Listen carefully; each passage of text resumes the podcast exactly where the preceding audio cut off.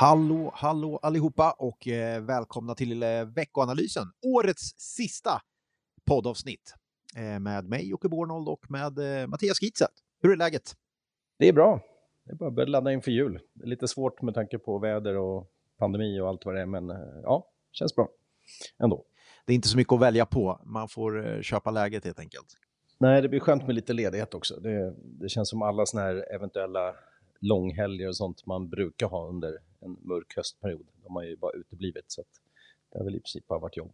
Men vi är ju så kul på jobbet, så det gör ju inget. Nej, nej, det, Nej. det var inte så.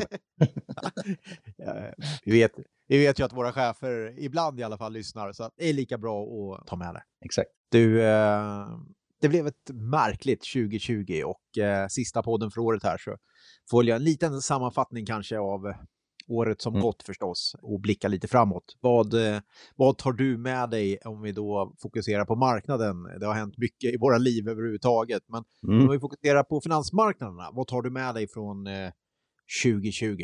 Nej, men jag tror att alltså, vi har ju upplevt en hel cykel på något sätt och jag tror att om man stod i början på året så var det nog ingen, alltså man brukar alltid säga att det är svårare än någonsin. Det, det tror jag vi Mm. säger inför nästa år också på ett sätt.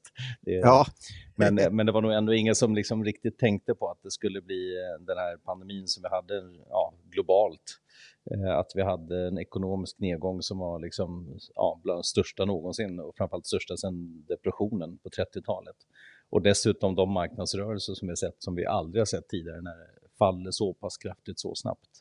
Eh, så att, och, och sen slutar vi på plus och ganska bra.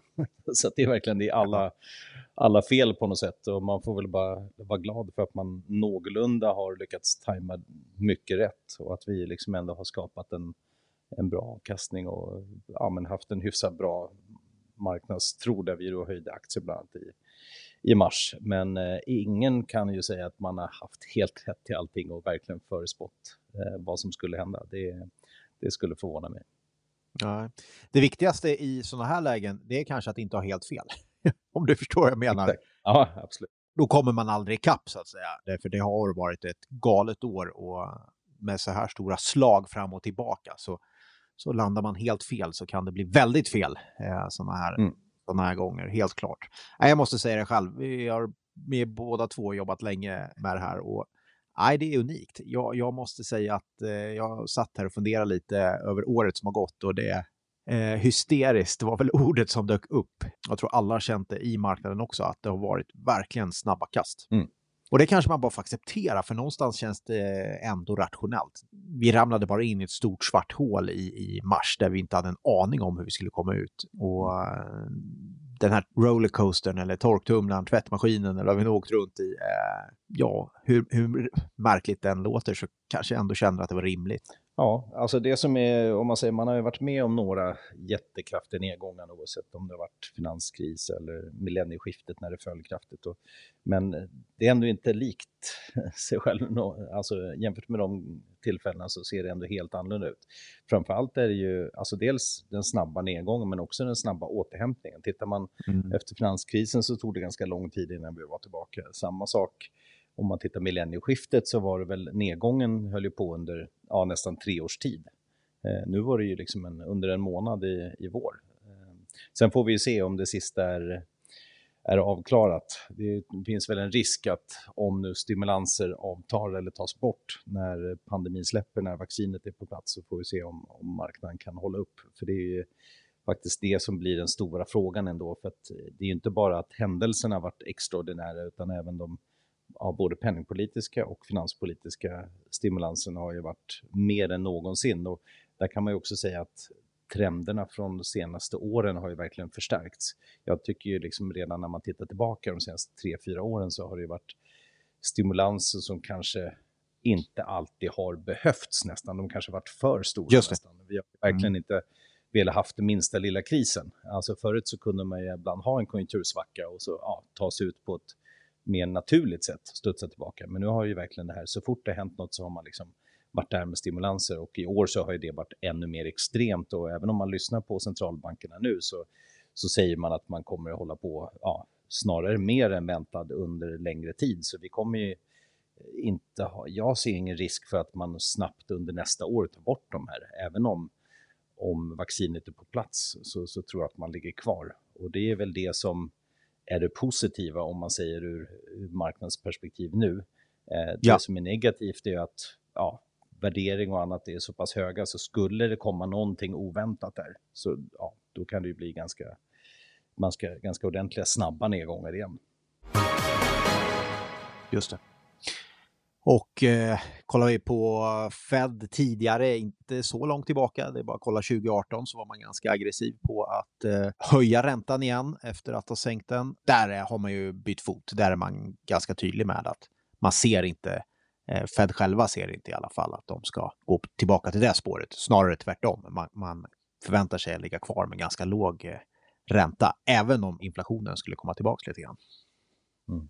Ja, det, det, här blir ju, tror jag, den stora, stora frågan och kanske eventuellt någon gång också den här oväntade händelsen att vi faktiskt får inflation. För tittar du senaste veckorna eller månaderna på hur såna här långsiktiga inflationsförväntningar utvecklas, det finns ju sådana ja, du kan eh, läsa av det på swapmarknaden och eh, där är vi nu uppe i runt 2,5 procent i förväntning på inflation i USA. Eh, klart, klart högre än vad vi hade för ett halvår eller ett år sedan.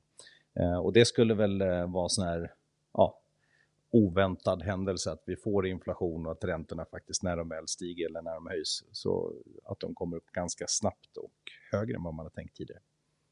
Just vi har ju faktiskt en, en fortsatt väldigt hög skuldsättning och det är inget problem så länge räntorna är låga. Men när de väl Nej. stiger så då blir, kommer det märkas. Om vi går in lite förra veckan så pratades ju en hel del om eh, det här stimulanspaketet och nu är ju det godkänt. Eh, skulle kanske kunna vara en trigger till inflation. Det är hyfsat mycket pengar som ska ut och in i det amerikanska systemet. Det blev ju klart här tror jag nu faktiskt. Eller om det är på väg att bli klart i alla fall. Ja, det skulle godkännas idag. Ja, det är idag det ska godkännas. Idag måndag spelar vi in det här och det, förhoppningsvis godkänns det i, i eftermiddag kväll här då. Mm. Men ganska väntat förstås. Annars har det ju varit lite småsur börs. Eh, idag när vi pratar så är börsen ner ja, sist jag kollade var den ner 2 eh, ungefär och har väl, eh, är väl kanske ner 3-4% senaste månaden. Lite småsurt, men det är klart att de här nya nedstängningarna, de spelar nog ganska stor roll, eller vad tror du? Ja, absolut. Alltså, man ser marknaden pendlar ju lite grann med eh, alltså dels förhoppningar om vaccinet och dels eh, ny större smittspridning och inte minst muterat virus då, som vi ser i Storbritannien. Då. Eh, så att det blir ju tolkningen är inte alltid helt lätt, men jag tror att eh, de dagar det är negativt så är det nog nedstängningsfokus och de dagar det är positivt så är det ju dels vaccinfokus men också eh, faktiskt då eh, nya stimulanser som ju då kanske lättare eh, kommer ut om det är en dystrare utveckling. Det här är ju marknadens vanliga tråkiga sätt att se på det. Eh, ju är det är det lite mörker och lite sämre tider, då, då hoppas man på mer stimulanser så, så, går, det, så går det bra därefter. Um, så att, ja, jag vet inte, jag tror det kommer vara fortsatt svängigt. Vi har ju en hög volatilitet eh, redan som det är och den tror jag nog håller i, i under hela egentligen pandemitiden och den kommer ju fortsätta vara med oss tyvärr ett, ja, ett bra tag in i nästa år. Just det. En stor grej var i fredags i, på de finansiella marknaderna. Det var ju Teslas intåg i S&P 500. Jag tror mm. omsättningen blev någonstans 120-140 miljarder dollar eh, på en mm. enda dag.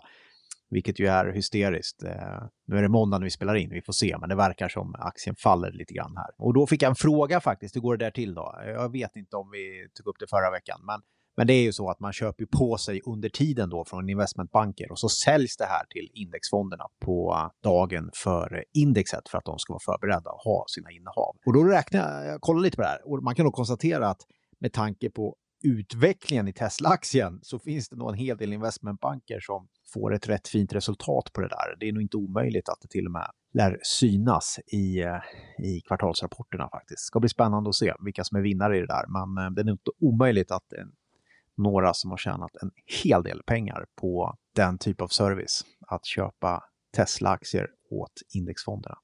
Eh, det lär vi få se. Det blir spännande att följa upp det. Jag får återkomma till det på andra sidan årsskiftet.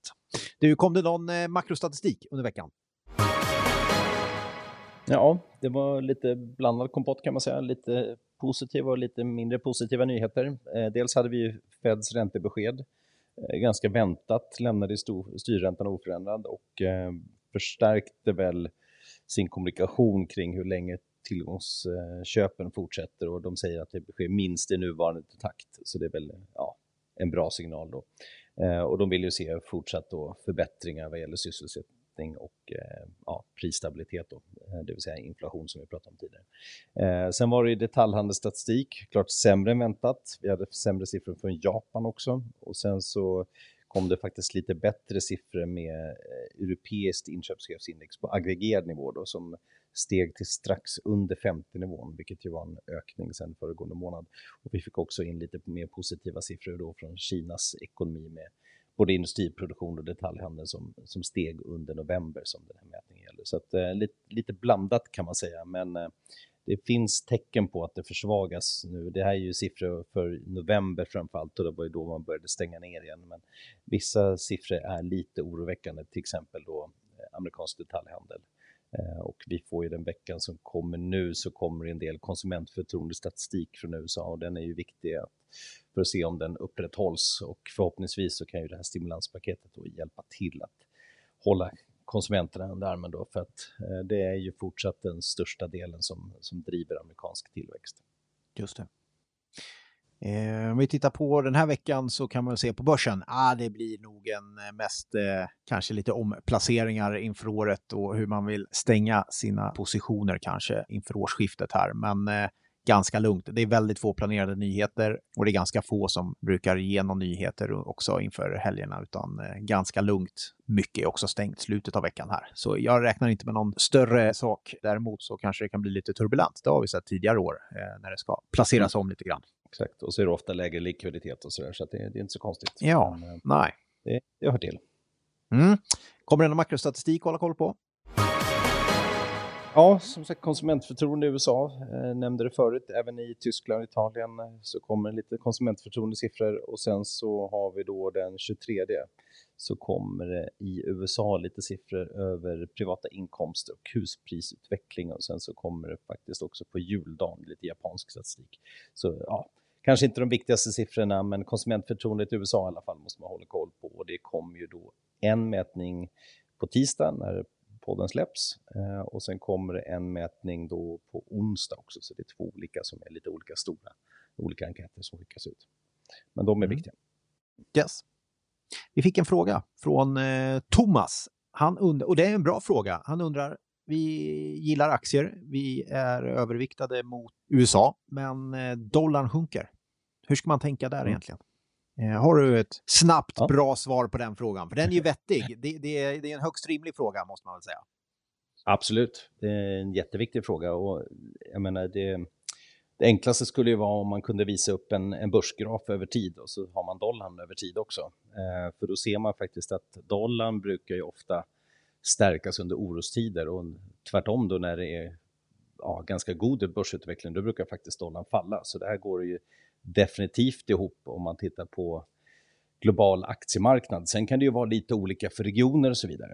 Eh, historiskt så är det nog så att eh, när dollarn stärks så brukar man kanske ibland ha en inte alltid, men ibland ha en, en bättre amerikansk börs. Eh, när dollarn faller så eh, brukar man till exempel se tillväxtmarknaden som går bättre.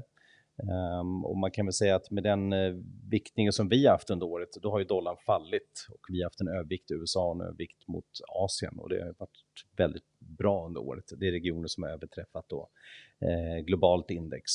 Det är som sagt lite olika historiskt, men normalt sett så är i alla fall aktier bra att äga när dollarn faller. Eh, så det, det brukar ändå oftast hålla ihop. Mm. Tack för det svaret. Vår tid rinner ut. Ska vi göra så att vi kanske passa på att tacka för det här året? Eller vad säger du? Ja, men det gör vi. Får önska alla en uh, riktigt god jul och gott nytt år så får vi se exakt när vi är tillbaka. Men det lär ju vara veckan som börjar med 11 januari där gissar jag. Det låter rimligt. Det tror jag. Då är vi tillbaka. Ha det så gott allihopa. Trevlig helg på er och eh, vi hörs. Hej!